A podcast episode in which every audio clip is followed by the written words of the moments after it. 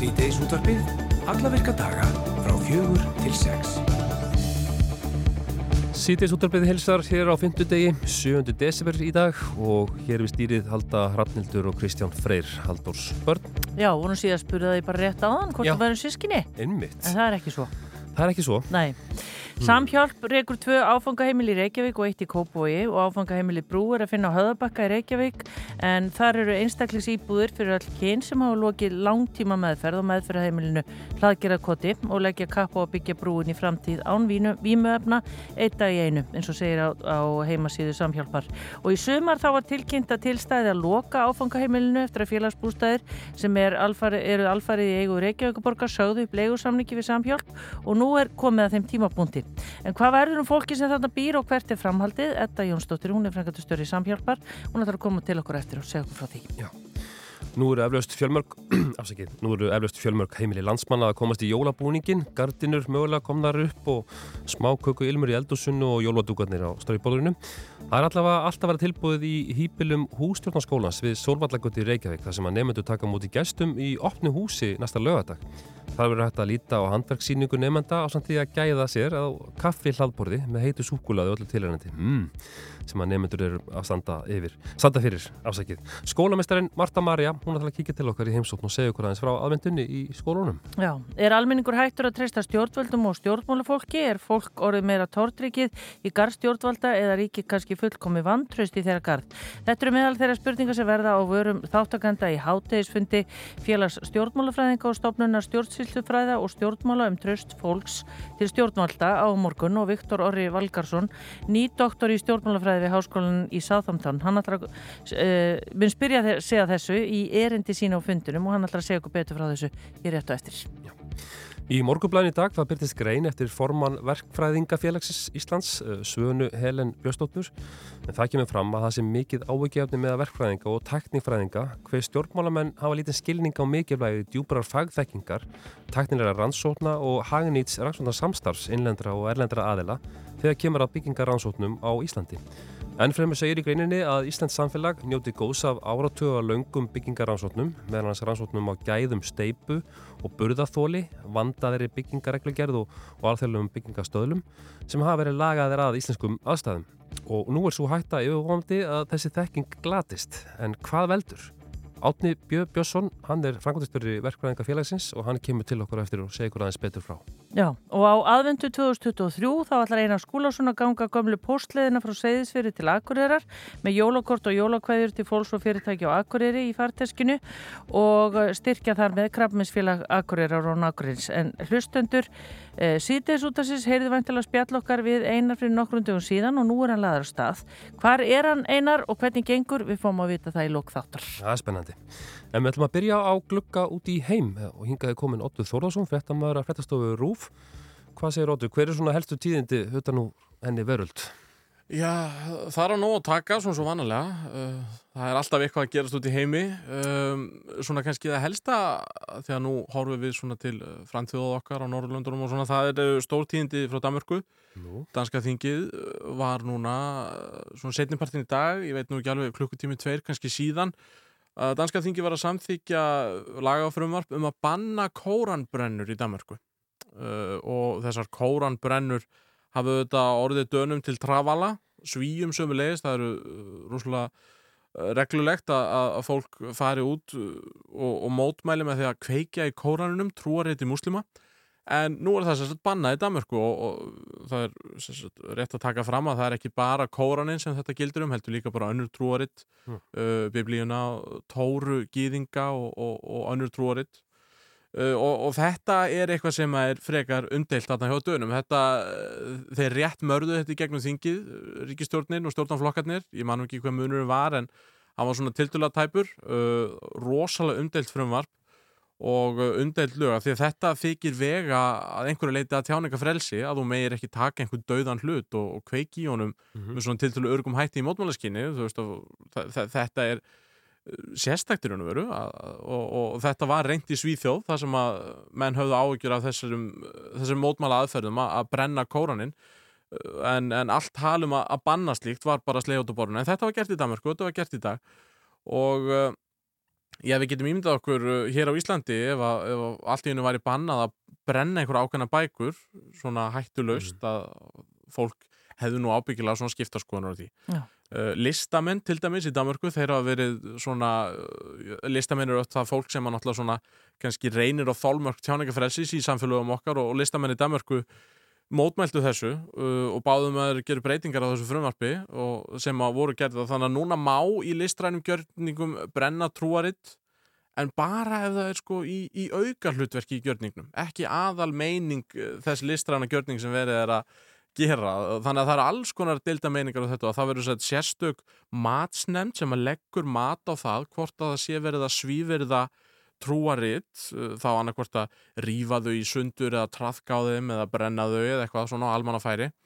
Uh, og, og það er svona döllungum háð hvað er leifilegt og hvað er ekki. Það til dæmis er í lægi uh, væntanlega sko að sveipa kóranin regnbúafána uh, hins eginn fólks. Já, en bannaða vefjónum í beikon. Uh, og alls konar svona einhverjir, einhverjum variðsjónir sko. og þetta er svona svolítið sérstakt sko. Svo, svo, og þú mátt gera þetta í einrúmi heimahjöður en ekki útvarpaði sjónvarpa á netinu svona í ofnmeri dreifingu og, og þetta er rosalega umdelt sko. Já, og þess vegna kannski var þetta marið í gegnum þingið. Já, einmitt og, og sko stjórnar meiri hlutin uh, óska eftir því að það er ekki mætingar skilda í atkvæðagreslun um þetta og þetta var svolítið fyndið á danska þinginu morgun að fylgjast með þessu. Uh, stjórnar minni hlutin hafnaði því og sagði nei, það skal sko vera mætingarskilda hérna í dag þegar við verum að kjósa um þetta mikilvæga mál. Þannig að fólki sem var sko veikt heima þingmenniti, þurftu samt að koma og vera með grímur í þinginu og þá var fólk með COVID sem að ruslaði sér upp úr rúminu og, og, og greiti atkvæðum þetta frumvarpi í danska þinginu í morgun. Það var svolítið nánast afturkvart til gamalla tíma að sjá fólk með grímur þarna á við og dreif. Það var bara eins og maður væri komin aftur á COVID-tíman. Já, Þetta, þetta flýgur ekkert í gegn, þetta er, það er bara, það er rétt smaug eða hvað? Ég, ég raun og veru sko. Ég held að hvort það hafi verið 90 og eitthvað á móti 70 eitthvað eða eitthvað svoleiðis. En þeir sem eru andfýr, hvað, hvað Já, þeim bara finnst vegið að uh, hérna, Málfrelsinu? Já, í raun og veru og, og einhverja hægri flokkar hafa sagt að nú sé kóraninn orðin bæði rétthæri en biblían og danska stjórnarskráin að það sé einhvern veginn meira verið að, að, að, að hérna, taka tillit til kóransins og þessara kóranbrenna sem að fer mjög fyrir brjóstið á fólki í miðausturlöndum sem er muslimatrúar. Mm.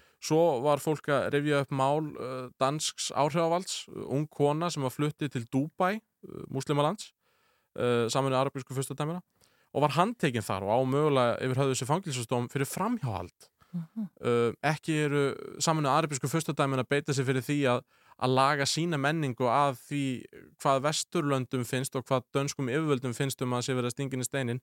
Af hverju að Danir að gera það á móti og, og taka eitthvað til, til tilfinninga þeirra sem að búa í miðausturlöndum og eru muslimatrúar þetta eru spurningar sem að var verið að velta upp þarna á danska þinginu og og eru bara áleitnar og, og það er búið að vera mjög gaman að fylgjast með þessu, það er búið að vera hiti í, í fólki þegar að vera að ræða þetta Já, einmitt. Uh, til Bretlands, uh, hérna Boris, hann er búin að vera þarna í hvað, yfirherslum eða hvað? Já, Boris Johnson, uh, fyrirverandi fórsettisráðara Breitlands, uh, einmitt á faraldustímum uh, hann kom fyrir rannsóknanemnd, uh, sérstaka rannsóknanemnd um COVID-19 í Breitlandi í gær og, og vitnaleslur yfir hún heldu áfram í dag Uh, Það er ekki verið að sækja til saka fyrir neitt, þetta er svona bara svipið á rannsóknarnefndinu hérna fyrir hrun, uh, eftir hrun. Já. Uh, Það er bara svona verið að leita skýringa og reyna að draga lærdóma þessu ferli öllu. En það hefur Boris Johnson náttúrulega verið gaggrindu fyrir margt í sínum empatisfæslum á þessum tíma. Það var náttúrulega þetta partístand í Downingstræti. Uh, Það voru misvísandi upplýsingar oft á tíðum um bóð og bönn og sóttarna aðgerðir. Þóð ykkur um hendurnar, þóð ekki um hendurnar, verið með grímu, ekki verið með grímu, allir út, nei, allir heima, eitthvað svona. Fólki þótti þetta mjög ruglandi. Uh, og hann uh, já, viðurkendi mistök uh, breska stjórnvalda í þessu og uh, sagði á vondri íslensku sorry uh, en það þýðir ekki að hann hafi byggðist afsökunar hann eiginlega bara lísti yfir samúð með þeirri stöðu sem að ástvinir þeirra sem að letust úr COVID voru settir í og, og, og lísti svona yfir hluttekningu með það að það hefði rosalega mikið fólki dáið hann er meira miður sín. Já, akkurat, já, hann, hann er að að segja segja- hann var rosalega sorry yfir þessu Einmitt. ef við getum sagt það Hann baðst ekki Uh, afsökunar. Já, en, en hann baðst ekki afsökunar, hann baðst ekki fyrirgefningar í raun og veru, sko. Nei. Uh, og og, og það, þetta hefur verið mikið í breskum miðlum í dag, bara BBC, Sky News, það er bara verið stanslust að streyma frá þessu og uh, Boris Johnson er auðvitað skrautluðu maður og, og hérna, sögum tilsvör hans eru nokkuð skrautlu og þegar hann hóf upp röst sína í gær og, og, og byrjaði sitt mála því að einmitt, lýsa yfir samúð með öllum þessum aðstæðum og, og svona segjast vera sorry yfir þessu en ekki að slappa þá var hérna einhverju mótmælendur uh, einhverja ástvinna sem að letust uh, úr COVID, þeir voru mættir hérna áhættupallana í húsakinnum rannsóknendarinnar og, og fóru að góla hérna eitthvað að honum og, og það þurftir hennilega bara að vísa þeim út sko, þetta var nokkuð dramatísk atbyrgar á þarna sámaður Já, hérna og, hér. uh, og Boris, uh, já hann er búin að vera framan að degi í þessum vittnarreðslum og á mánudaginn held ég kemur Rísi Súnak fórsettisráðara Breitlands núverandi og fyrirverandi fjármálráðara hann situr þar fyrir svörum þannig að það, það verður að nóg að taka líka þessu Já, næstunni. ömmit. Uh, Eða enda, enda þetta á kannski þessum, þessu ömurlega stríði við botni miðjarhafs. Já, uh, í dag eru tveir mánuðir síðan að Hamas samtökin gerðu stórfelda árás á almennaborgari í Ísrael og uh, drápu 1200 manns og uh, já, limlestu fólk, lík og, og, og börn og annað og, og eins og við vitum í kjölfarið þá kom þetta hamslausa viðbræð Ísraels hers sem hefur valdið því að, að, að þúsundir, ég held að sé bara vel á annan tug þúsunda palestinumanna sem hefur dáið á, á, á Gaza í, í þessum átökum þúsundir barna og þetta er bara algjör lömulegt og, og í dag eru tveir mánuður síðan að þetta hóst allt saman. Við höfum séð vopnallíða, það var fyrir nokkrum dögum síðan, þá var gert vopnallíða í rúma viku held ég eða þar um bil en svo bara byrjaði þetta aftur nýju og átökin verðast bara harna enn og, og það er eiginlega engin lausn í sjónmáli sko. Nei, þannig að við, maður, ég ætla nú ekki að segja að maður verði ónæmi fyrir fréttum en en þetta bara sullast einhvern veginn svona áfram. Já, í raun og veru. Og bara tala látina heldur áfram að hækka. Það degja bara fleiri og fleiri. Og þetta er algjöru ömlegt ástand. Og ég veit að kollegi minn Hallgrímur allar að fara yfir þetta í kvöldfréttum og eftir.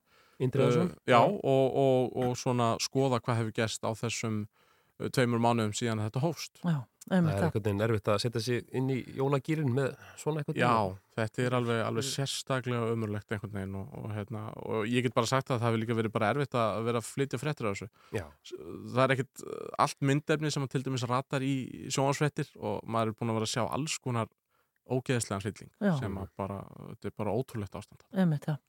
Óttur Þórðarsson, takk kærlega fyrir að fara aðeins út í heim með okkur. Takk fyrir komuna. Takk fyrir mig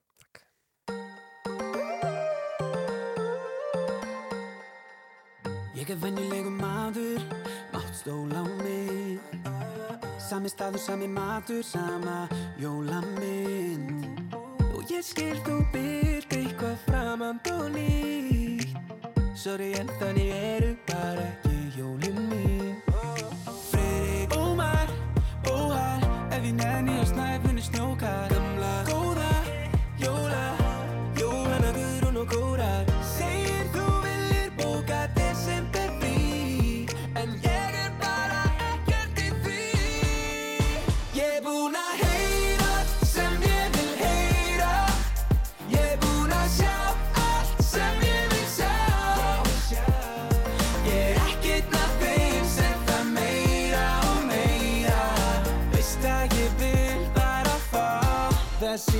Típisku jól Yeah, yeah, yeah, yeah. Oh, Bara þessi típisku jól. Ég hengi upp gömlu rauðu serjurnar Vil bara gildum að kynnt og splittana yeah, yeah. Skóin í gluggan og mín eina jólaóst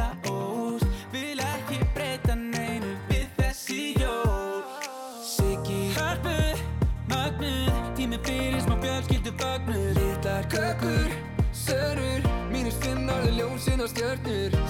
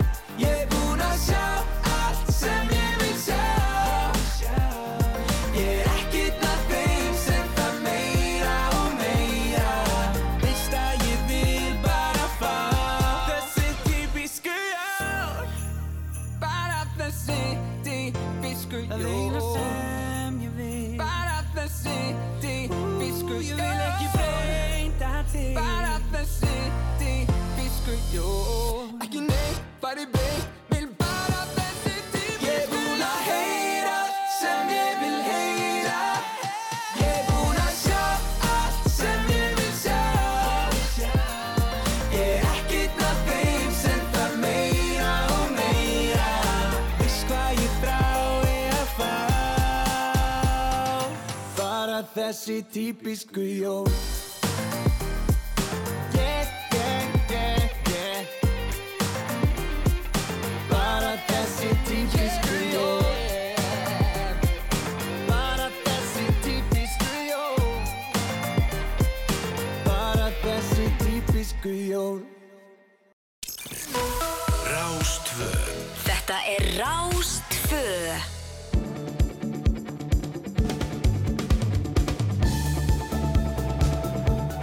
Í morgunblæðinu í dag byrtist grein eftir formann Verkfræðingafélags Íslands, Svönu Helen Björstóttur og þar kemur fram að það sé mikið áhugjefni meðal verkfræðinga og tæknifræðinga hver stjórnmálamenn hafa lítinn skilning á mikilvægi djúbrar fagþekkingar, tæknilegra rannsókna og hagnýts rannsókna samstarfs, eh, innlendra og erlendra aðela þegar kemur að byggingarannsóknum á Íslandi.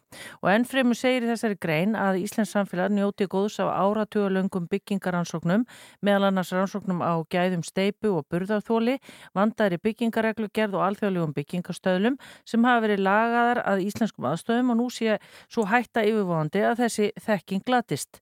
Og nú spyrjum við hvað veldur, hann er komin til okkar Árni B. Björnsson sem er frangatastjóri Verkfræðingafélags Íslands. Velkomin. Takk fyrir. Já, bara svona fyrir okkur sem að hérna erum ekki fagmentuð í þessari grein, hvað er einhvern veginn að gerast á Íslandi varðandi byggingar, nýbyggingar? E, það má segja að það er svona frekar síja ógjafi liðina. Þetta er einn ángin með þetta með stalana. Þannig er mála vexti að við tökum það kannski fyrst fyrir að, að í EES-samnínum þá tókum við upp uh, samstarfum reglugerðir, tókum upp tilskipanir frá Európsambandinu og þetta voru 58 reglugerðir eða staðlar í rauninni í byggingageiranum og uh, það var gengið út frá þessi vísu að þetta var svona glóbal skjöl en með þjóðar viðökum og það, svo vinna fór á stað og, og það voru uh, 2010 minnum mig sem hefur voru innleitir flestir og þar á meðal eitt sá mikið vaðastegin áttúrulega sem er Jaskjöldastaðallinn sem var alltaf mjög sérstaklega fyrir Ísland í uh, öllu samengi eða flestu samengi uh, við önnur Európa-lönd og nú er í gangi endurskoðun á þessum stöðlum og þar með talið jarðskjöldastæðlinum.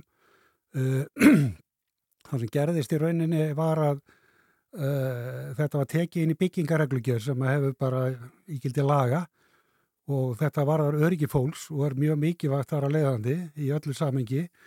Stjórnvöld uh, núna kannski síðustu árin, fjögur árin hafa dreyið kannski alltaf mikið lappinnar í samband við fjármögnun á þessu, ef ekki kannski nægan skilning á mikilvægi þessa starfs og því að, að innleiða þetta eru stuðlar og annað sem er í þessu stöðlun sem eru sér, sérstaklega fyrir Ísland og e, það er bara komið að þeim mörgum að enga aðlar hafa verið að leggja mjög mikið, mikla vinnu í þetta og þar að leiðandi kostnað, leggja til starfsfólk og annað en, en stjórnvöld hafa ekki viljað fjármagna hvað var að segja, rýtstjórnina eða sem er í höndum staðlaráðs og það stendur kannski nýfur svolítið í kunni en ef að ekkert vera að gert og, og þá í rauninni fara þessi þjóða viðaukar ekki inn sem þjóða viðaukar í þessa staðla og þar að leiðandi þetta er út úr gildandi lögum eða byggingaraflíkjör og þá er voðin vís. Og við erum að mitt sko, af því þú sagðir jarskjálta sko, það er ekkert eins og, ég menna þetta er náttúrulega mjög svona auðvitað, mikilvægt eins og við erum búin að tala um í dag að við treystu því að við búum í velbyggðum húsum. Algjörlega og ég myndi telja það að markmið mannverkja laga og byggingarreglgjör er að tryggja öryggi fólks fyrst og fremst og síðan heilsu að sjálfsögðu og ef á að láta sjá leið, leiðast að, að sinna þessu hlutverki þá veit ég ekki hvar við erum stöndið eiginlega. Nei. Er eftirlit með nýbyggingum, er það bara, hefur það minkað gríðarlega eða hvað, breysta hvað á síðustu árum? Já, það má eiginlega segja það. Já. Þannig málu vextið að ég vann í byggingar eftirliti hjá Reykjavíkuborg í 13 ár, hættir enda fyrir 23 árum, mm. er sjálfur byggingaverkræðingur og tel mér þekkja þetta nokkuð vel og svo er ég núna að fylgjast með þessu gegnum kaup mín á fasteng í miðbæ Reykjavíkur. Þannig að ég hef sett mig mjög vel inn í þetta aftur og, og svo er líka er ég tengdur inn í þekki marga verkvæðinga bæðið sem félagsmenn og félaga og svo frávegis og stór kannski má segja svona grundalega breytingin í svo að það er talað mikið um ábyrðarkeðju en og hún á að enda í rauninni í svo kallari byggingarstjóra tryggingu mm. sem er, það er að segja byggingarstjórin er orðin verkstjóri byggingarframkvæmda en þannig er mál, bara regluverkið er þannig að hann er í vinnu hjá húsbyggjandanum sem getur verið hver sem er, þannig já, séð. Gamla daga voru þetta mikið byggingamistara sem voru að byggja og selja eins og kalla var. E, ég held þetta sé mjög mikil óheila þróun og e, byggingafulltrúi sem að fór í úttektir, sem sagt út á mörkinu og ég var í því daginn út og inn upp í Grái alveg til ásins 2000 og maður gætt komið í veg fyrir mjög marga svona fundamenta galla og bara líka bæði öryggis uh, atriði og líka bara reynlega komið veg fyrir fúskar segja slæma endingu, léli gæði. Og það sorglega veit alls að mann er náttúrulega líka það að að gera hlutina almeinlega kostar í mörgu tilvillum nánast ekki neitt uh mhm. -huh. þekkingu en það er einhvern veginn eins og kerfið hafi e, orðið ansnúið þekkingunni og vilja hérna hana burt og e, þetta byggingarstjóra sístem að byggingarstjórin eigi að vera e, verkstjóri sem er náttúrulega sjálfur sér gott, hann er ekki alltaf á staðnum, ávar á staðnum hann á að sjá til þess að þessu unni eftir samfélagi tekníkum en e, ég, mín einslaði svo í sem hús íbúða kaupandi að þau eru að að skoða gögnin og ég er sjálfur að eða tíma í það að fara yfir teknikabókaldi hjá, hjá byggingafulltrúa að það vantar helmikina teknikonum í mínu húsi og ég segi, það vantar teknikar hérna. E, e, hvað ætlið ekki að gera eitthvað í þessu? Nei, nei, er, við getum ekki gert neitt, þú eru bara að fara í mál. Og ég sem byggingaverkvæðingur har nú kannski meira vita á þessu heldur en, en almenni borgari, þannig að mér finnst þetta nú ansi súrt í broti að, að neytendur eigi að setja uppi með svona vittlisu og, vera standið því sjálfur að kaupa einhver rándýra uh, sérfræðinga í að skoða gögnin sem eiga bara verið til staðar og því miður verður ég bara að segja það að, að ég, ég sé ekki betur en að hansi stór hluti þeirra hannunar sem ásist að allavega mín, á mínum fagsið þessi verkvað hannunar innar eftir aðaltekníkar og arkitektekníkar uh, er bara unnin í allt og á mörgum tilvikum af fúskurum Já. og svo það sé sagt og ég get ekki svo dæmi nýbyggjengarkarfi hérna í nákvæmni höfuborgarsvæðisins að sem að mínir félagar hafa ekki við að neyta að taka sér matstörf og meðdómarastörf út af göllum Já. í, í glæði nýjum húsum þetta gengur náttúrulega ekki. Sko við erum bara búin að, eins og ég segi, við heyrum náttúrulega hverjum einasta degi af alls konar tilvikum eins og miklu og ykkur í nýbyggingum og svona. Er þetta allt eh, ángin af þessu? sem er að gerast, af því maður, maður er svo hissa að það sé bara strax komið mikla í hús sem er byggt fyrir bara einhverjum tveim, þreim árum eða eitthvað. Já, já, sko, í sjálfu sér sko, það sem að e, e, málið er það að auðvitað, hefur þetta kannski ímsar ásakir en stærstu hluta til er þetta léleg hannun og léleg óöndu vinnubröð af mínu mati. Já. Svo geta mann deltu það en, en ég vil fullir á það og það er eins og, og svo er líka annað kannski það er sóurinn Við erum með heimsmarkmið sjaminu þjóðana.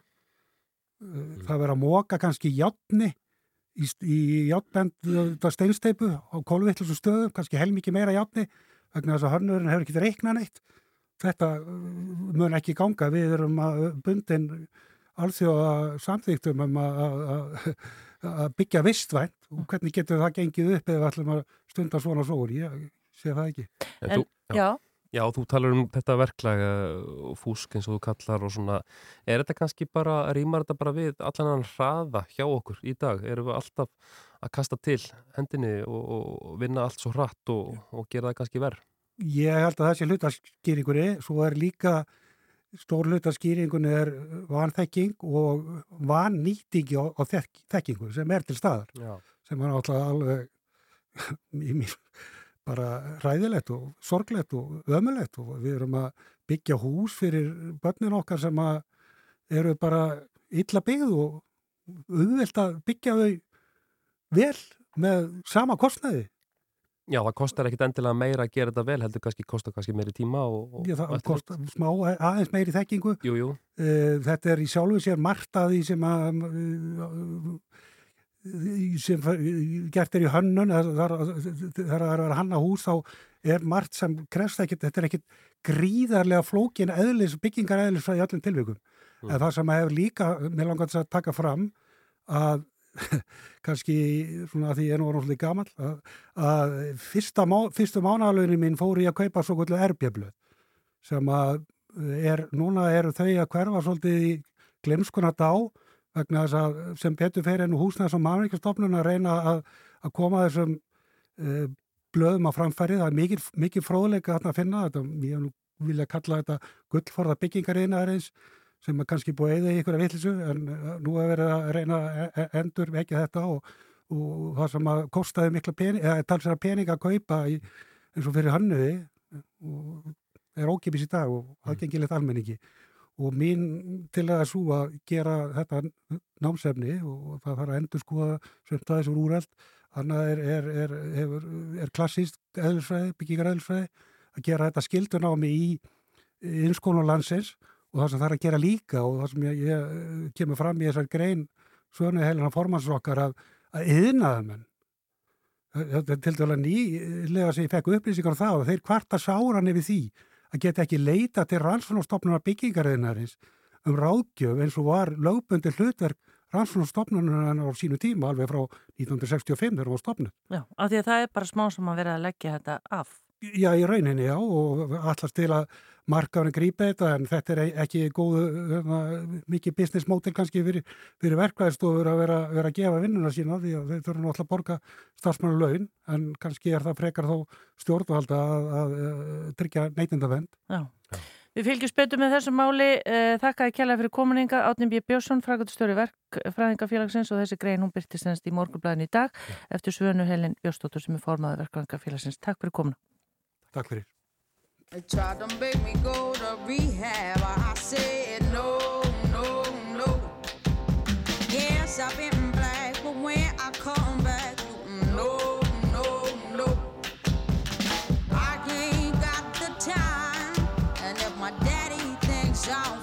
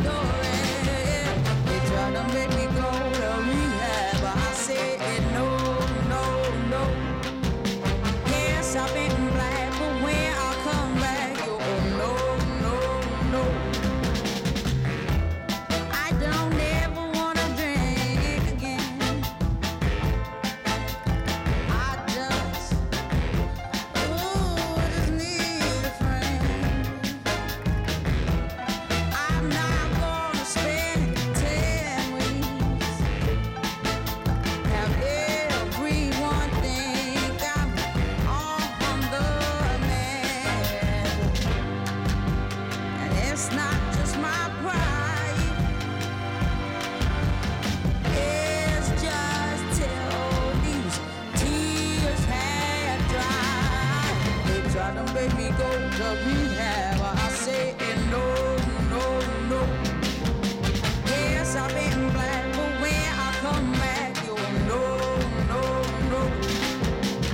I ain't got the time, and if my daddy thinks I'm fine, he's trying to make me go to rehab. I won't go, go, go.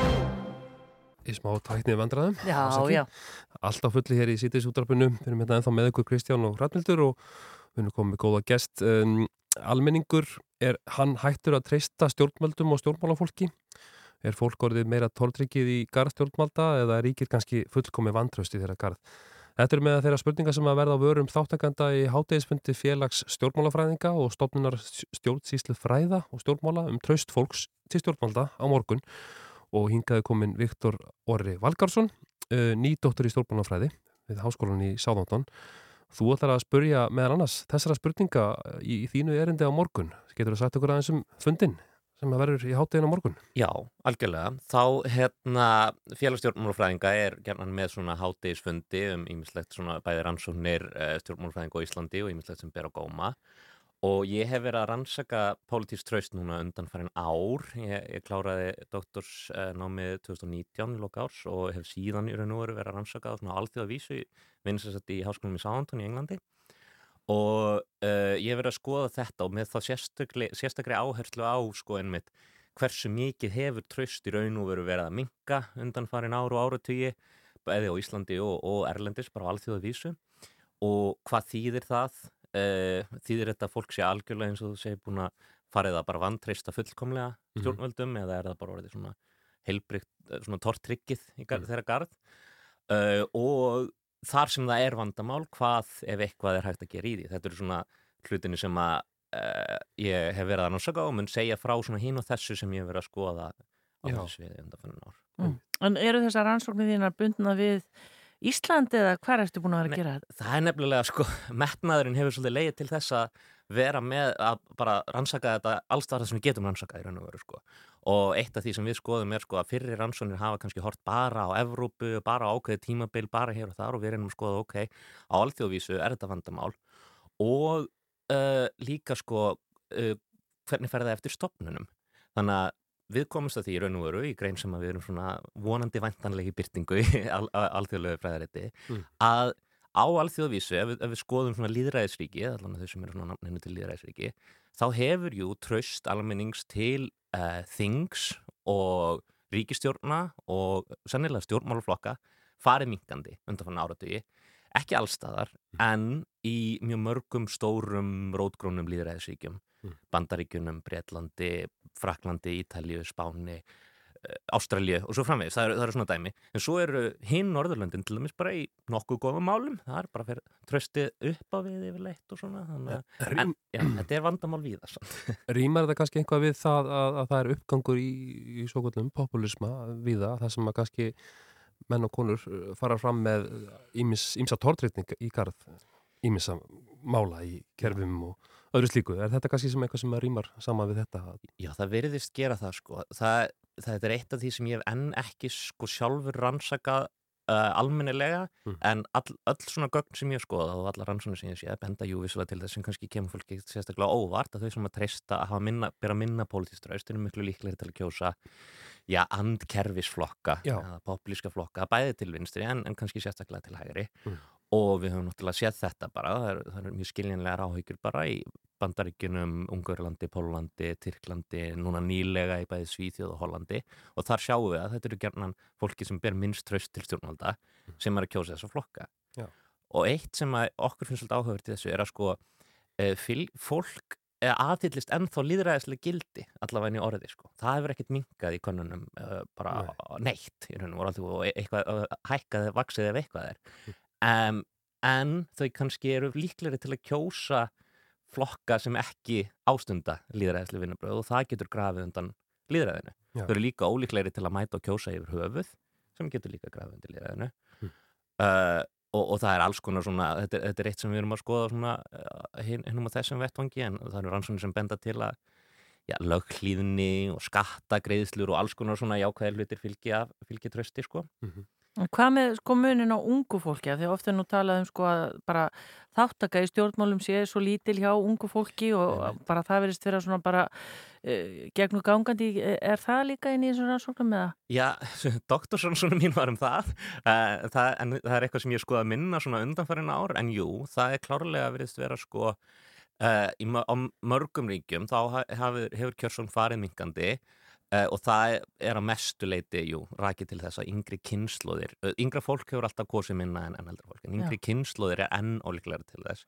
En svo sjáum við reyndar undanfærin ár eins og í bandaríkjunum 2020 og uh, þjóðuratkvæða greiðslum í Breitland og svo framvegis, þá einu skýst kjörsónum þannig að þetta er ekki flöt þróun sko, en það virðist vera að allavega sko yngri kynnsluna þurfi meira til að mæta á kjörstað sko, þau líti ekki á það sem einhverja skildu eða einhverja Já. Kerfinu sko að mæta og það er náttúrulega, já, getur verið vandamáli sjálfur sér. En þessi, sko, ef að stjórnvöld glata trösti, þetta hefur náttúrulega ymsa þýðingu eins og þú er búin að kannski nefna hérna, en, en eh, sko, þessu fylgir það ekki bara aukin kostnar sem að stjórnvöld þurfa að kosta til bara til þess að, já, Haldið- eða hvað? já, já, það getur gert það. En það er ekki alltaf sem fer mikið kostnaður og orka í það að halda uppi, bara ymsu eftirliti og alls konar hlutum sem að, Já, ég meina, skatta eftirlit að svona tekið kannski þú segir að það eru, hann reyndar ekki mjög margar rannsónir en nokkrar svona góðar rannsónir sem benda til að það sé, hérna, fólk sé líklega til að uh, stunda skattskil ef að, ef að það treystir stjórnvöldum. Uh, og það getur náttúrulega kostað. Uh, við sáum í mörgum ríkjum náttúrulega það sem að var mjög látt tröst í COVID þá var bólusetningar hlutat mjög látt og bandari stjórnvöldum verður miklum Mhm. fjármunum í að reyna að draga fólk í, uh, í bólusetningu þannig að það getur haft ýmsast líkar afleðingar Mhm. en eitt sem ég langar líka kannski að koma að er sko einmitt og þetta sem að vísa til í umsvunni að sko við viljum ekkit endilega alltaf tröst sko. Það, við viljum það, að blind tröst almennings í garð stjórnvalda er ekki endilega gott. Viljum aðhald líka. Já, við viljum klárlega aðhald og þess vegna við tölum svolítið um sko að gera greina mun á tortrygni annars vegar sem er svona einselbreyðir og vantrist hins vegar. Og við sjáum sko til dæmis á Íslandi í þeim svona litlu rannsóknum sem við hefum gert á því þá er, virðist vera meira tortrygni séu meira ríkindi heldur en endilega algjört vantrist þannig að myndin er alls ekki alveg alveg dökk sko. Nei, einmitt, einmitt. Hvað er allir að hittast á morgun, bara fyrir áhuga sama? Já, Við ætlum að hittast í Odda í Háskóla Íslands í stofu 101 ef ég man rétt alveg glæð uh, og það er klukkan 12 til 1 og ég mun fara yfir alls konar rannsóknir uh, mínar á þessu sviðu og svona niðurstöður Já. uh, fara ítarlegar í þetta sem við vorum að tala um Þeir og svo verða einhverjar Já. umræður og spurningar og, einmitt, það er þessu umræðu punktar og bara treystir fólk stjórnvöldum yfir leitt og, og hvort að það skipti yfir leitt máli. Þannig Já, að þetta er svona þessu punktar sem að þeir munu farað yfir á þessu fundi. einmitt, og ég get sagt að svarið er ekki bara já eða nei sko. Að Einmitt. Flott er það. Uh, Viktor Orri Valgarsson, þakkaði fyrir að setja ykkur inn í málinn og, og gangi ykkur vel á fundunum og við fylgjumst með. já, takk því? fyrir mig Takk, takk.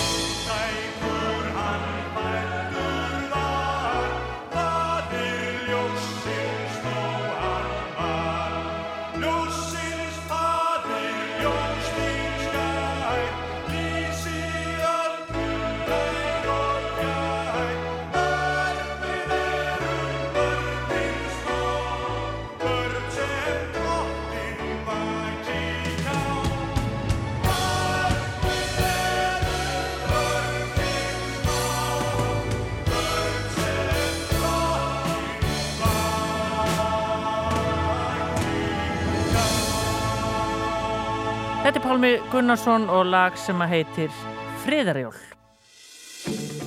Og þá ætlum við bara að hleypa að tilkynningum og fréttum núna klukkan 5 Kristján og svo Jú. eru alls konar efni eftir klukkan 5. Algjörlega.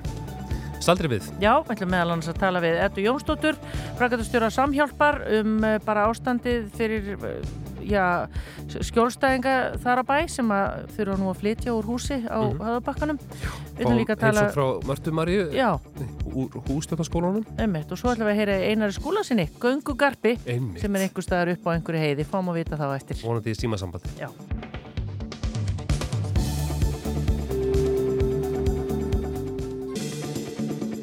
Þú ert að hlusta á síðdeis útvarfið Á Rástvö Já, við ætlum að halda áfram með sítiðs útarpið á þessum ágæta fimmtudegi og það er komin gestur í hljóðstofu. Jú, Samhjálp er eitthvað tvö áfangaheimili í Reykjavík og eitt í Kópavogi. Áfangaheimili Brú er að finna á höfðabakka í Reykjavík en þar eru einstaklingsýbúðu fyrir öll kind sem að hafa lokið langtíma meðferð á meðferðaheimilinu, hlaðgerða koti og leggja kapp að byggja brúin í framtíð án vímöðarna, einn dag í einu.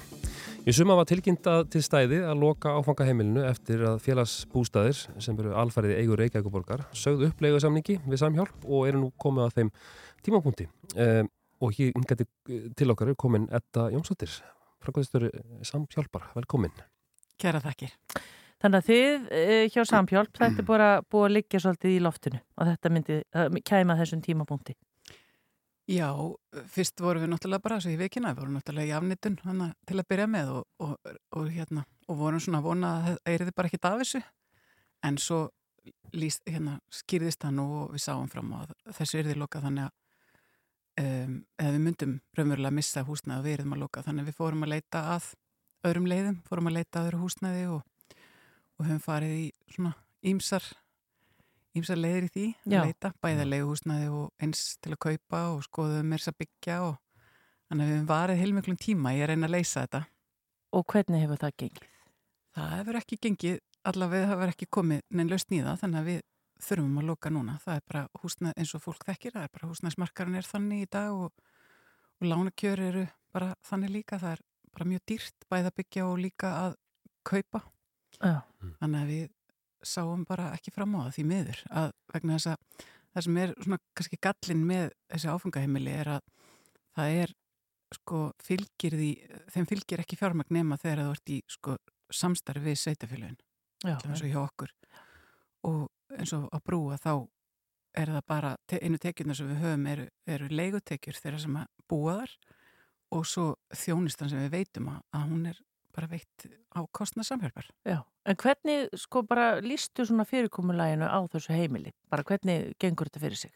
Í þetta er auðvitað bara eins og uh, hvert annað svona má segja heimili þar sem að fólk býr undir, undir sama þakkinum að þannig eru sem sagt svona stúd, mest megnis stúdíóipur og svona einstaklingsýbúður reyndar einýbúð með tveimur söfnbyggjum og svo er eitt svona sameilett rými þar sem, sem er notað til fundarhalda og þar eru haldnir hérna fundir vikulega og uh, þar hittist fólk og, og ræði saman og, og það, þá koma í raun og veru stuðnisfulltrúar sem starfa hjá samhjálp og halda svona fundi með fólki og, og hérna það er bæði svona prógram að vera að fylgjast með að fólk, fólki líði vel og, og það sé að í virkni til dæmis, það er svona eitt, eitt af þeim skilurum sem er sett fyrir búsetu þarna og svo er þetta bara samfélagi, þetta er, um, þetta er hópur fólk sem að margir auðvitað þekkjast, svo kynnist fólk og það er líka þessi svona kannski dýnamík að sumir eru nýkomnur með þeirra, aðrir eru búin að vera lengi og fólk getur búið þarna alltaf tveimur árum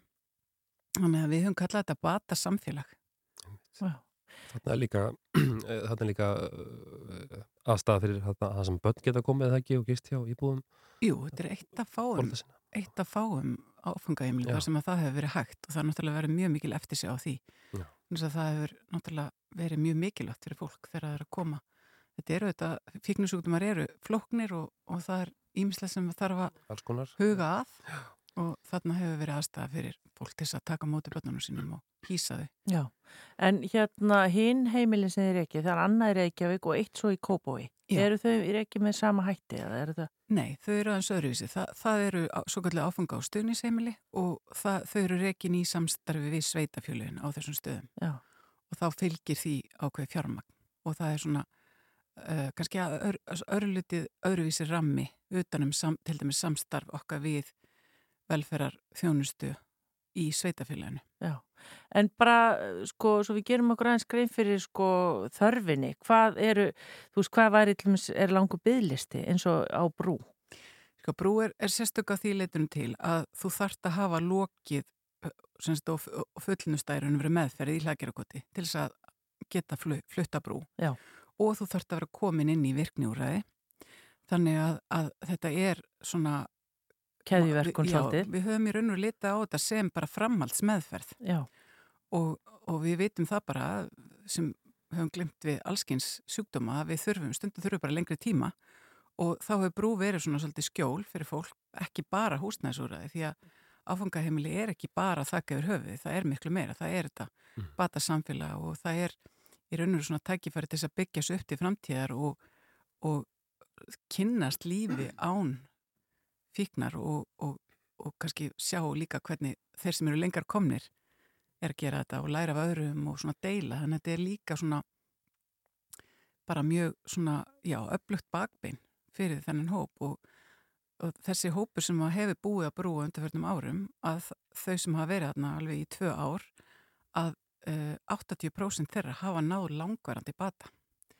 Það er rosalega há tala og um, við hefum séð skoða rannsóknir alþjóðlega og þetta er bara mjög há tala og þetta er mjög, mjög há sagt, fylgni hérna á milli að, að ljúka með fyrir lækir og fara síðan á brú, vera þar í tvö ár og bara sem dæmi að ef að fólk nær fimm ára eitru tíma þá eru um 90% líkur á langtíma bata. Já. Þannig að þetta eru, það, og það, það er svona kannski það sem að mér finnst svolítið svekkjandi er að, að við erum að, við erum að segja sko, stjórnvöldi frá þessum niðurstöðum og setja þetta í alþjóðlegt samhengi en það er einhvern veginn fylgir svolítið þessum rekstri áfengæmila það, já, fyrir utan þetta með sveitafélunum við hefum mjög gott samstarfið það og hvertum alls ekki við því en, en hérna en það vantar að skilgrina hvað er áfengaheimili, hverjir eiga að veita þjónustunar, hvaða þjónustu að veita þar mm. og þá þarf auðvitað að fylgja í fjármagn. Já, ömmit. En það er þessi góði árangur sem að þið hafi náð á Já. brú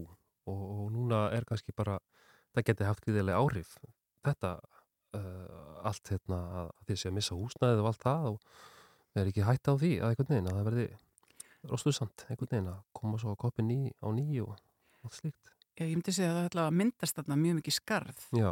á í þessu hérna, landslægi áfangaheimilagi, maður getur orðaða þannig og auðvitað þau sem hafa verið hjá okkur í hlækjurkoti í meðferð, að þau hafa auðvitað ekki núna þennan greið aðgang. Við munum náttúrulega að reyna eftir fremsta megni að hjálpa hérna, þeim áfram með húsnæði og við erum auðvitað með félagsákjærsastarfi hjá okkur og síðan er það líka, auðvitað erum við mjög góðu samstarfi við velferðarþjónustu og, og, hérna, og félagsþjónustuna í sveitafélagum bara út um all land. Mm -hmm. En ykkur sem sagt er staðan núna er að ykkur er gert að yfirgefa húsnæði hvað, fyrsta februar eða? Já, bara síðasti dagurinn er 31. janúar, já, Mm.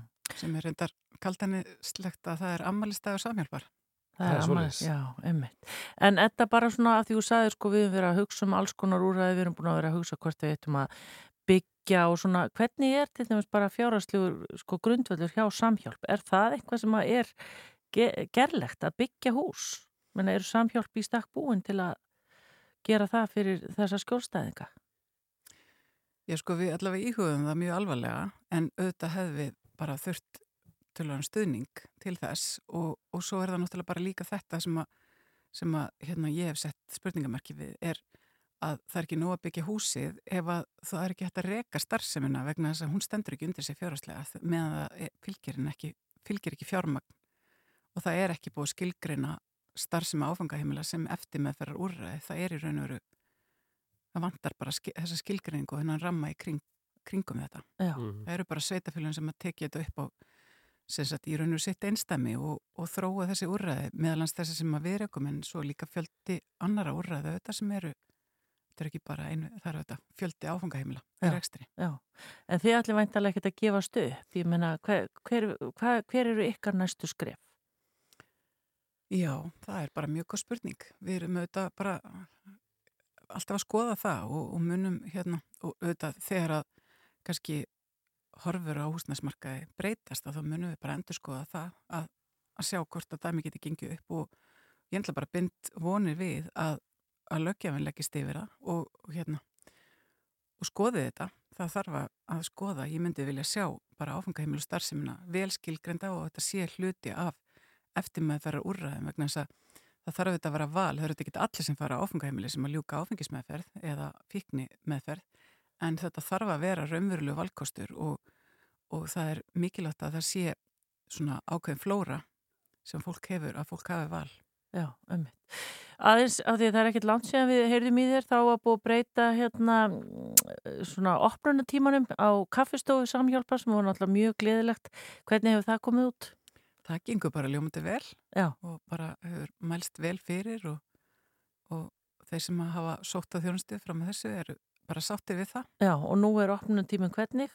Núna er sérst framlengdur opnunatími þá frá 2 og til halv 5 um. og svo er opnað á gistiskilunum klukkan 5 þannig að þá er þessi haldtími bara til að koma sér á staðin. Já. Og er hérna allt eh, tilbúið fyrir sko jólinn og ég menna hvernig verða það í dagar? Komið jólastemning. Já, það er alltaf að búa að skreita og, og, hérna, og það komi jólatrið með blikkljósum og svona og við Já. bætum svo við á næstinni. Það, og það verður vantalega opið þarna alla hátíð í staðana eða hvað? Já, það er opið bara alla dagar sem sjá okkur og, og það verður þessi framlendi opna tími líka yfir hátíðarnar.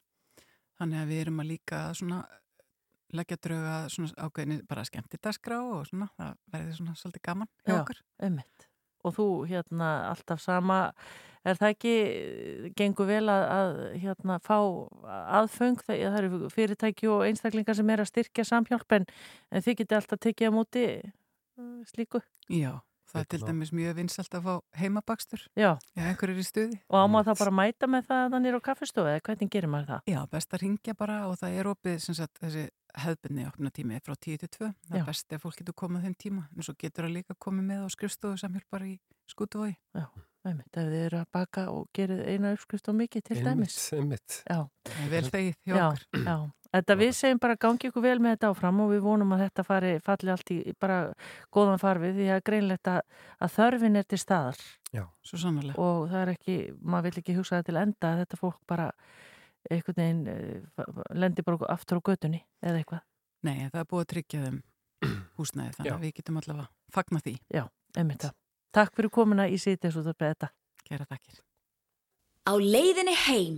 Síðdeisútvarpið. Frá fjögur til sex á Rás 2.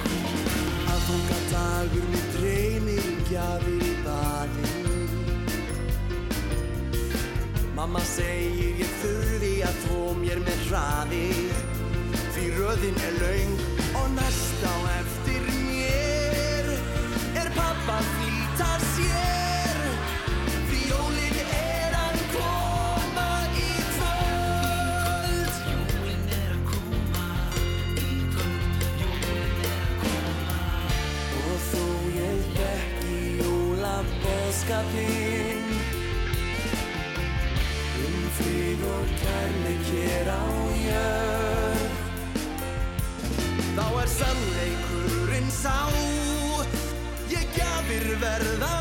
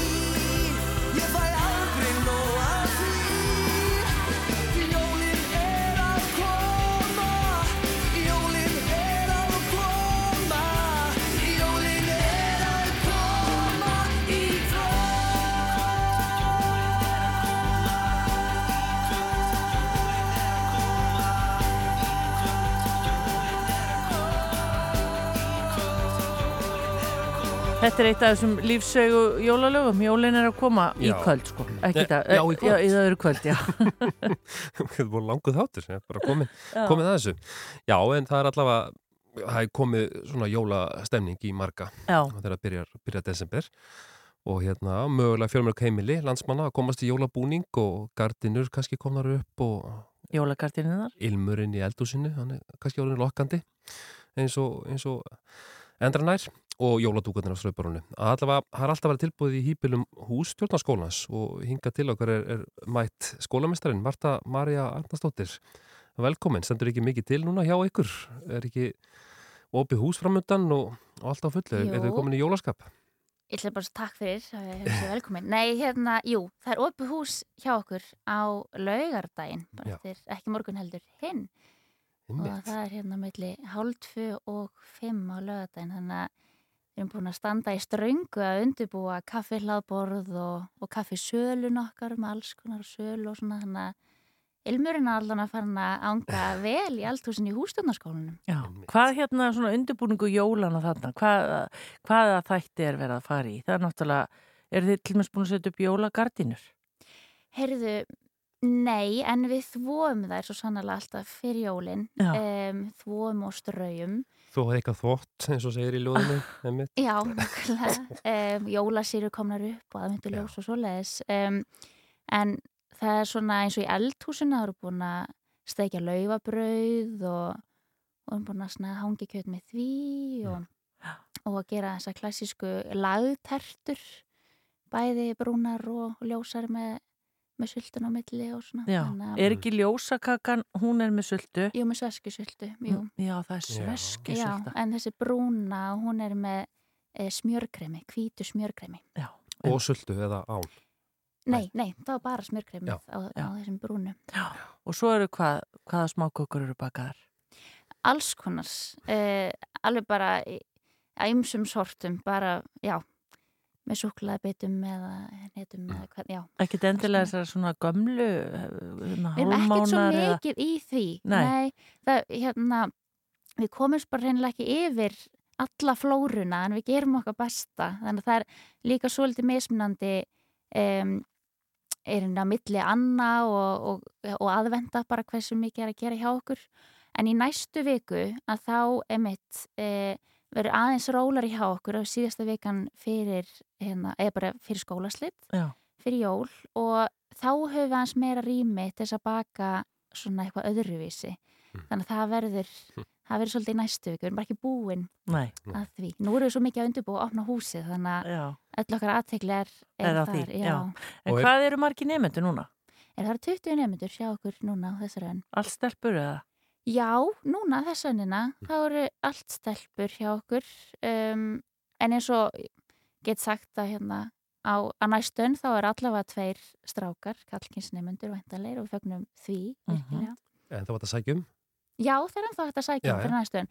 Þetta er ennbla, það er ekki allir sem átta sig á því að, að e, húsnundarskólinn er ekki lengur heilsársnám eins og var fyrir tugum ára síðan e, heldur svolítið langt síðan að við breytumst í svona einnar annar nám þannig að námið okkar er ein önn þannig að við erum eftir að fara útskrifa bara í næstu viku og tökum móti nýjum nefndahópi í janúar sem útskrifast inn í mæ. Já, og er þetta dýrt? Ég meina, hvað kostar fyrir einstaklinga að fara? í? Já, sko, þetta er sjálfseignarstofnun um, og við erum ríkir styrt en er allur efniskostnaður og matarkostnaður sem eru svolítið dýr því miður, eða bara rosalega dýr sem ekki að skafa því um, að það er innu skólagjöldin þannig að skólagjöldin er rúm hálf miljón Já, þannig að og þá er allt innifallið í því. þá er samt, já, allir inn- efniskostnaður og, og matarkostnaður innfallin í því En er einhver sem gistir?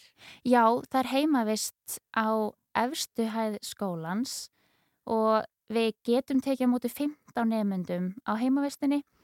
Minn hérna áður fyrir þá bara var öllum hrúað á heimavistina og meira þess að íbúða á næsta horni en núna er bara opið fyrir þeim, já, hérna, þeir geta verið á vistin sem vilja, bæði sem er komið landsbyrni en líka bara höfbrukarsæðinu og við höfum núna þetta 15 nefnunda hámark að þið viljum kannski ekki alveg stapla í, í herbergi. Það passar ekki við tíðandan í dag. Nei. En er ekki, þetta er náttúrulega gríðarlega góðu grunnur bara fyrir lífið, inn í lífið Já. og þetta er sko, þetta er eitthvað handverk, það er nú handverk síning hérna, sá ég hérna auðlistæðin, en þeir eru náttúrulega bara í, í textíl eða slíku Já. fyrir utan matagerina og, og annað. Um, sko námið okkar er svona mestuleiti matrisla, eldamennska og bakstur en líka eh, handafina Já, fyrir mikið fyrir henni um, aukauta næringafræði og ræstingar og, og nálega kenna þvotta og alls konar. En einmitt það fer svolítið mikið fyrir handafinni Mhm. og það eru með prjón og hekl og útsaum og fatasaum og vefnað. Það er ekki ætti að komast í, í vefnarkenslu vefstóla á mörgum stöðum á landinu þannig að við státum okkur hann að því þannig að það er mjög skemmtlegt Þannig að það verður hægt að sjá afrakstur kannski þessara Já, vinnu á já, opna þessar hennar húsinu. og það er alveg ótrúlegt að sjá hvað nefnendur eru búin að vinna mikið og búin að afkasta miklu á örfam mánuðum komið bara til okkar í lok ágúst og afurðir nefndana má sjá á lögadaginn. Já, þannig að hérna, en svo komstu hérna með snittur, eru þið, sko, af því það er nú, sko, veitingastæðir sem gera út á svona alls konar snittur og svona, er sérst verið að læra að gera, er þetta danska snittur eða hver er fyrirmyndin? Já, fyrirmyndin er að sjálfsögðu þessar Já, já, já. smörrubröð. Já. Um, en já, við hérna kennum, eða Guðrún Sigurgestóttir, maturíslumestari hjá okkur, hún kennir að nefndum að útbúa þessar dönsku snittur eða þessu danskri fyrirmynd og við gerum þetta tvisarúsunum á önn og í dag var akkurat setni dagurinn Já. þannig að þið fá að smakka þetta Já, þetta er ótrúlega og þetta er ótrúlega svona, þetta er svo, þetta er svo vel gert. Já, Já, þetta er dúllulegt. Þetta er svona dúllulegt. Já, að, já, Já. finnir En- sér engin skipti máli þannig. En Marta, ertu strángur skólamestari? Ég held ekki. Er það ekki? Nei, ég er samt svona, að einhver leiti þá er ég svolítil gömul sál og það er, það er svona ímislegt sem ég vil halda í eins og bara að leggja nýjapur rétt frá sér og, og svona al, al, almennu svona borðsir og mannasir og svona sem ég er mjög gaman að halda í og kunna bara hvert á maður að leggja servituna þegar maður fyrir út að borða og svona. Já, hvert á maður að leggja hana? Í kjölduna. Já. Já, það er svona... Kristján, vissur þetta? Ég ætla að eh, þykjast hafa vitað það. Já, ég myndi... Í kjölduna? Já, þetta er svona bæði sem maður e, missi ekki niður á sig og, og skýt út fatnaðin sem maður er í Já. en svo líka er fremur suppulegt treinlega að vera með e, óhrina servittuna bara næstu onni í næsta manni upp á borði það er ekki beint pent og hugulegt Já. þannig að e, nefndur þetta velja hvað er taka úr náminu og hvort er haldið þessu áfram í mándagsfiskinum heima. En, en svona, maður kunni þessar helstu reglur, ef maður getur sagt sem svo. Borðhald Það er og- gaman- já, það er gaman að kunna þetta Já. þannig að mann er borðið í bóð og Já, svona, þá getur maður svona haga sér Já. ágætlega. En þegar maður er búin að borða, á maður að hafa hnífapurinn og ná disknum bara að leggja þau Já, hlið? ég leggja þau svona hlið við hlið þannig að þannig að gaffallin sé hægra minn og, nei, vinstra minn og nýfurinn hægra minn segi ég og, og ekkin snúi að e, hérna, Disknum? Nei, að, já, ekkin og hnífnum snúi að gafflinum Já, já, já, já, já. Þetta eru líkilatri hérna Já, ég náttúrulega var svo heppinn sko að sýstir konuna mína var þarna nefandi fyrir Já, nokkrum ára síðan að hún er búin að taka því í læri. Já, og ég mætti í opið hús og þar var bara akkurat stranga reglur Mhm. og maður svona býra því allavega hafa verið þarna í tóklukkutíma Já, einmitt. en það allavega Já, en- þess að ég var hérna, hérna forröðinu námið mér finnst þetta Já. mjög áhugavert og öllum holdt. Já, en við reynum að halda allavega í svona einhver ágætt góð gildi og reglur og eitthvað svona sem nýtist mann en, en einhverja hefðir sem að kannski eru frekar tilgangslösa það er mm, svona bara jæmt og þétt kannski dætt upp fyrir en já, strángur skólamestri ég held í raun og veru samt ekki af því að um, mér finnst líka mikilvægt að við í hústunarskólanum uh, þetta er einnar annar nám margir koma til okkar uh, í svona einhvers konar meillibils ástandi kannski koma beint eftir mentaskólin, mm Mhm. mentaskólagönguna um, áður en fari kannski í framhalsnámi upp í háskóla svoleiðis. Og þetta á að vera svona he- fyrst og fremst fyrir nefnduna sjálfa bara þannig að þeir njóti og líði vel og, og hafi gaman af. Já. En hefur þú svona kannski einhverjum áherslum í bara eins og með matreisluna núna eh, haldið þið í íslenska matarhefð er þetta vellingur eða er þetta komið kóriandir og kvítlug Sko, ég veit ekki svona til þess að vellingur eða hræringur eða hvað hafi hérna nokkuð tíman verið kentur í húsnarskólanum. Um, við borðum það ekki Nei. í dag. En hérna, en jú, við heldum í íslenska matagerð en sumi leiðis erlenda, við erum með Mexikos tema og erum með uh, það er svona alls konar svona nýjungar auðvitað, sem bara minna það er, við getum næstuði fara að kalla þetta íslenska matarhefð, þetta er svo Já, endur spekla fjölmenninguna sem að við um, þannig að já, breytingar ekki miklar í matargerð nema allt svona jæmt og þétt þá svona fer maður að færast meir í grænmetis áttina og, og, og eins og maturislu mestan hjá okkur er alveg ótrúlega duglegur við það að koma til móts við alla af því að það er ekki allir sem borða kjöt eða, eða fisk eða, eða mjólkrafurðir eða kveiti eða alls konar. Þannig að, þannig að það er hérna reynum að koma til móts við alla og, og svona þannig að hver og ein önn er ekkit alltaf alveg eins af því það fer svolítið eftir nemyndum auðvitað, er Einmitt það, uh, Marta, Marja, hvenar er þetta á lögadaginn? Þetta er milli hálf tvö og fimm og við erum á Solvallagötu 12 Í svo fallega húsi. Svo fallega húsi Og það er bara að mæta, maður þarf ekki að skrá að mæta, sig. nei, ekkert skrá sig Með- er að pening, ef maður ætlar að kaupa köku En ef maður vill kaupa eitthvað þá er auðvitað posa á staðnum eða borga með pening, þannig að þá getur maður keift sér eitthvað. Og eru það tertur og alls konar bara? Alls konar, já, já, já. Vá. Tertur og kleinur og, og skinguhorn og hvað eina. Þá bara þökkum við kærlega fyrir komin og gangi ykkur vel á opna húsinu. Já. Takk kærlega Við fyrir. reynum að mæta hrannildur. Algjörlega. Takk fyrir Verið komuna. velkomin. Takk. Takk, takk.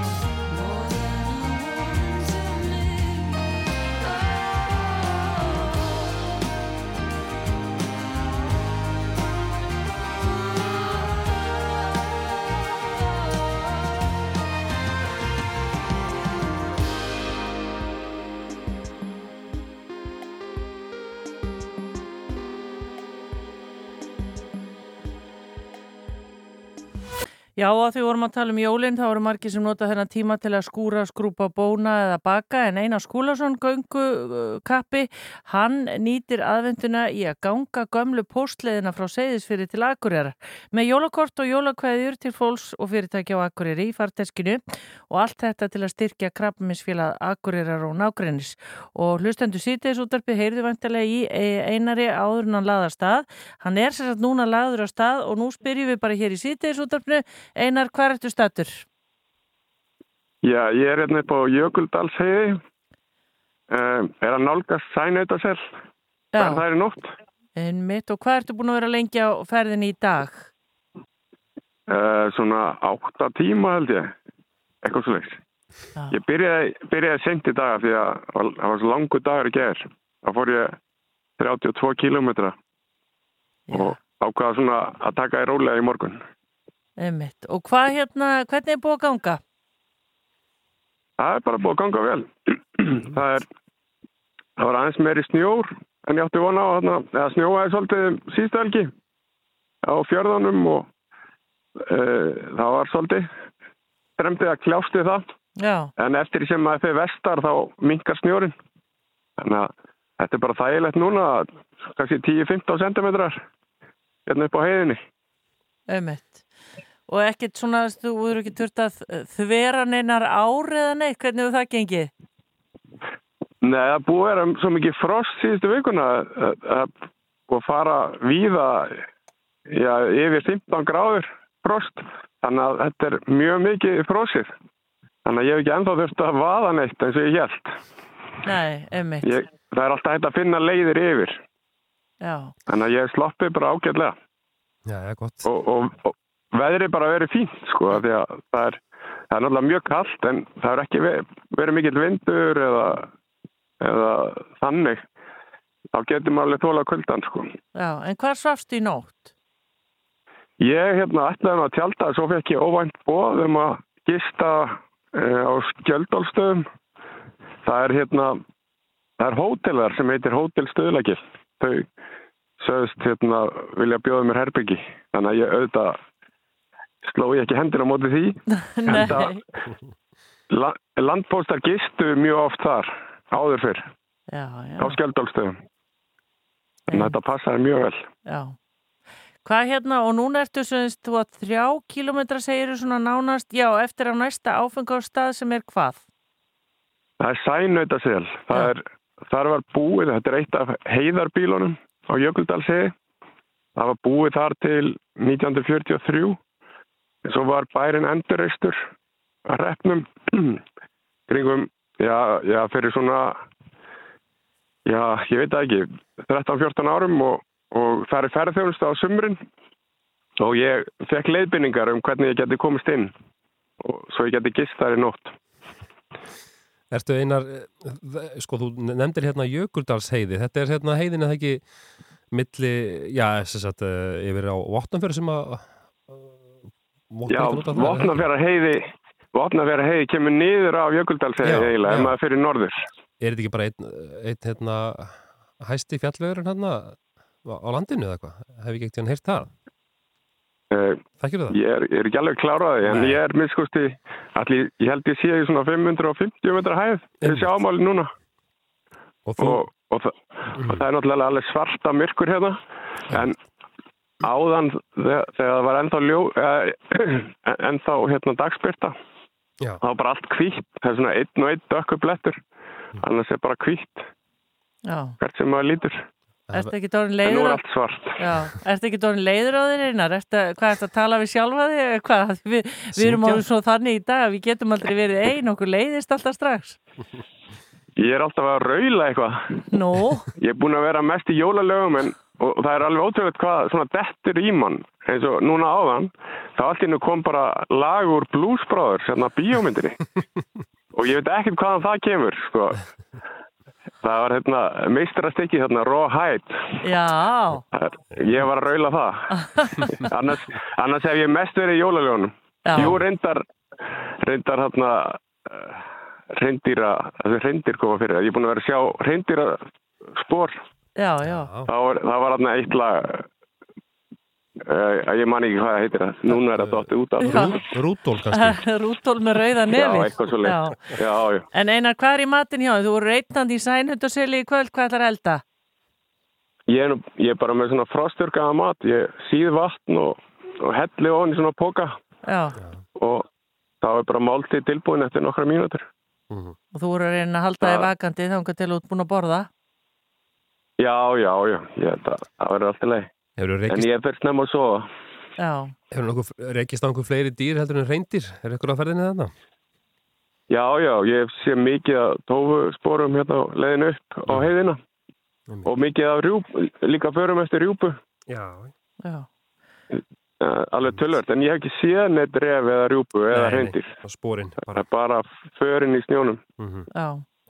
Einar, enga mís, ég sá, sá eftir mís niður í dalnum já, emmi. en ekki hérna upp á heiði Nei.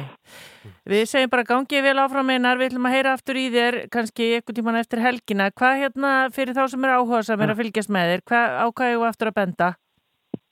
Já, það, er hægt að fara til að styrkja þetta uh, verkefni, það er hægt að fara inn á heimasíðu Káon, Krabbamennsfélags Akureyrar og Nágrennis Já. og þar, er svona frétt um, um verkefnið og, og þar er að uh, gefa upp reikningsnúmer til að millifæra og senda, senda kveðju. Einmitt. Það byrta svona kveðjur inn á síðunni. Hvernig ætlar að vera komin til Akureyrar? Já, þetta alveg skott gengur sko. Ég, það er spurning samt, ef það koma einhverja lægðir í næstu viku þá getur nú eitthvað tafist. En ég vona að ég klári þetta á tveimu vikum. Já, einmitt. Þannig að við höfum eitthvað að ringi í nokkur sem meinar. Gangið vel og bara verðir að góði í kvöld með þennan gyrnilega þurrmat sem þú ætlar að borða og bara svo ferðir svo þú segir snemma að sofa, er það ekki? Jú, jú, vakna snemma. Já. Alltaf var maður Svo raula. er möðrudalur á morgun. Já. Geggjað. Góða ferð áfram, Einar Skúlásson, takk fyrir spjallið og bara gangið vel. Já, takk kærlega fyrir. Já, bless, bless. Og við spurðum að það hérna í síðdeis útdarpnu þegar hann var hérna hjá okkur um daginn hvort hann væri kallaði skrýtningkallin að gera þetta. hann móðgæðist ekkert. En hérna, það er svona að missa hvað fólk hefur áhuga. á. Mér finnst þetta algjört bara þrekvirki. Já, einmitt. Hmm. ég sko, hann, hann býr hérna í, í hlýðunum svo ég sé nú að upplýsa þjóð, þjóðunum það og ég verð oft var við hann sko og Já. ég skammast mér bara ef ég keiri fram hjá hann svona, hann lappa svo mikið veginn Já, segir ekki bara að hafa rétt skotist inn í jú. og að vera alltaf að, hérna, ganga þessa leið. Jú, akkurat, það það sem er Einmitt. En uh, þetta fyrir alveg að vera búið hjá okkur við höfum samt eftir að, að hvað ykkur almennilega ætlum að hlusta á GTRN og lag sem heitir Hvað er ástin?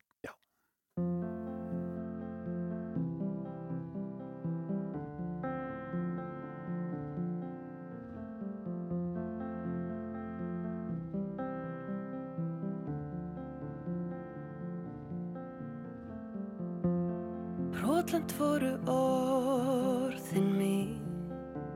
Úr huga mínum náði flugi Auð öll mín blöð. En vangi veitti fegur þín Svo blað síður nú fylla tugi Ur hjartans lög Nú flautar spíða orð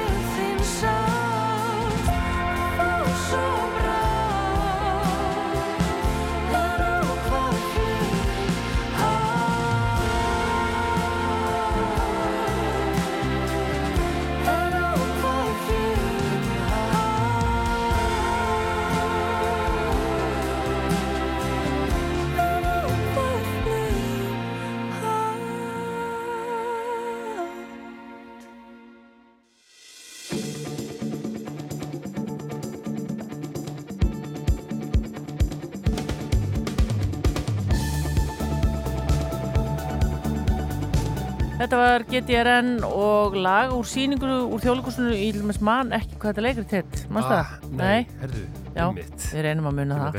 Já, kemur Það var góð síning, ég sá hana Já, og sást. virkilega fallið tónlist í, í síningunni Já. Og er ekki bara bræðurnir, Jón og sömdu? Jónsinnir, ég held Jú. það, minni það Allavega Jón, Jón Jónsson já, einmitt. Akkurat, núna er í sjórfinu handbóltaleikur, vissir það því? Já, er það í Grænland? Stelpunar okkar, er Já, að keppa við Grænland í hérna, í forsetabyggarnum já, hérna, munaði þarna mjög litla við kæmust lengra. alveg grátlegt sem sagt, en það standa sér vel það er mikil uppbygging í, í liðinu Já. og bara spennandi hluti framöndan finnst mér Já, og einmitt. finnst okkur bara Já. voru gaman að fylgjast með þeim Er þetta á rúf eða rúf tveimur? þetta er bara á rúf Já. núna í gangi og Beinni útsettingu. Algjörlega. Já, og svo ætlum við að segja ykkur aðeins frá því hvað við gerðum hér. Edda Jónsdóttir kom til okkar, frangatistöri Samhjálpar, vorum aðeins að ræða um þetta áfangaheimili Brú mm Mhm. sem að á nú að fara, já þá lokaði en það er sem betur fyrir búið að finna uh, þessum íbúðum þarna uh, aðstöðu en það breyti því ekki að þetta er uh, hérna, þurfa, já, þau þurfa að fara fyrir nó, nei, janúar lok Já, einmitt, Ammælistegi samhjálpar, Já. sagði hún þetta okkur frá Já. Svo kom hér Marta Marja frá hústjórnarskólanum, hún er með opið hús að þau nefnendur hústjórnarskólanars á lögadaginn Já, hún sagði okkur að það stæði fólk fyrir utan og kæmi bara og keifti Já, kökur. Það eru slagsmálana, þetta er allt svo vel bakað og fallegt hjá þeim. Já, eins og, eins og hérna smurbröði sem við fengum hérna. Já. Við erum heppin hérna. Já, mjög heppin. Þurfum ekki meira um það. Nú, svo kom Viktor Ari Valgarsson, nýtt doktor í stjórnmálafræði, vorum að ræða um hátegisfund sem verður á morgun, er almenningur hættur að treysta stjórnvöldum og stjórnmálafólki, mm Mhm. Hveti fólk til að kíkja þangað ef við tökka á klukkan 12 á morgun og svo kom Átni Björnsson, hann er frangatustöru verkfræðingafélagsins, vorum að ræða um bara svona, hvað ég var að segja, uh, dvínandi Já, staðla- eftirlit og Já, staðla og svona þegar við einmitt. byggjum hús. Það vantar upp á það Já. svolítið, og við erum alltaf, flýt, alltaf mikið að flýta okkur Allt í- of í mikið, já. Svo kom hann Óttur Þórðarsson fréttamaður og sagði okkur aðeins frá hvað var að svona helst, helst tíkt utan úr heimi Já, það var Boris og, og auðvitað þetta ömurlega stríð, Já, tveir mánuður í dag, og áhugaverð brennur á, á trúaritum, þetta er skrítið Já. og svo loks Einar Skúlason einmitt. Mm. En Kristján Rafnildur, við þökkum fyrir okkur í dag og verðum aftur með ykkur á morgun. Já, heldur betur Takk fyrir í dag Takk.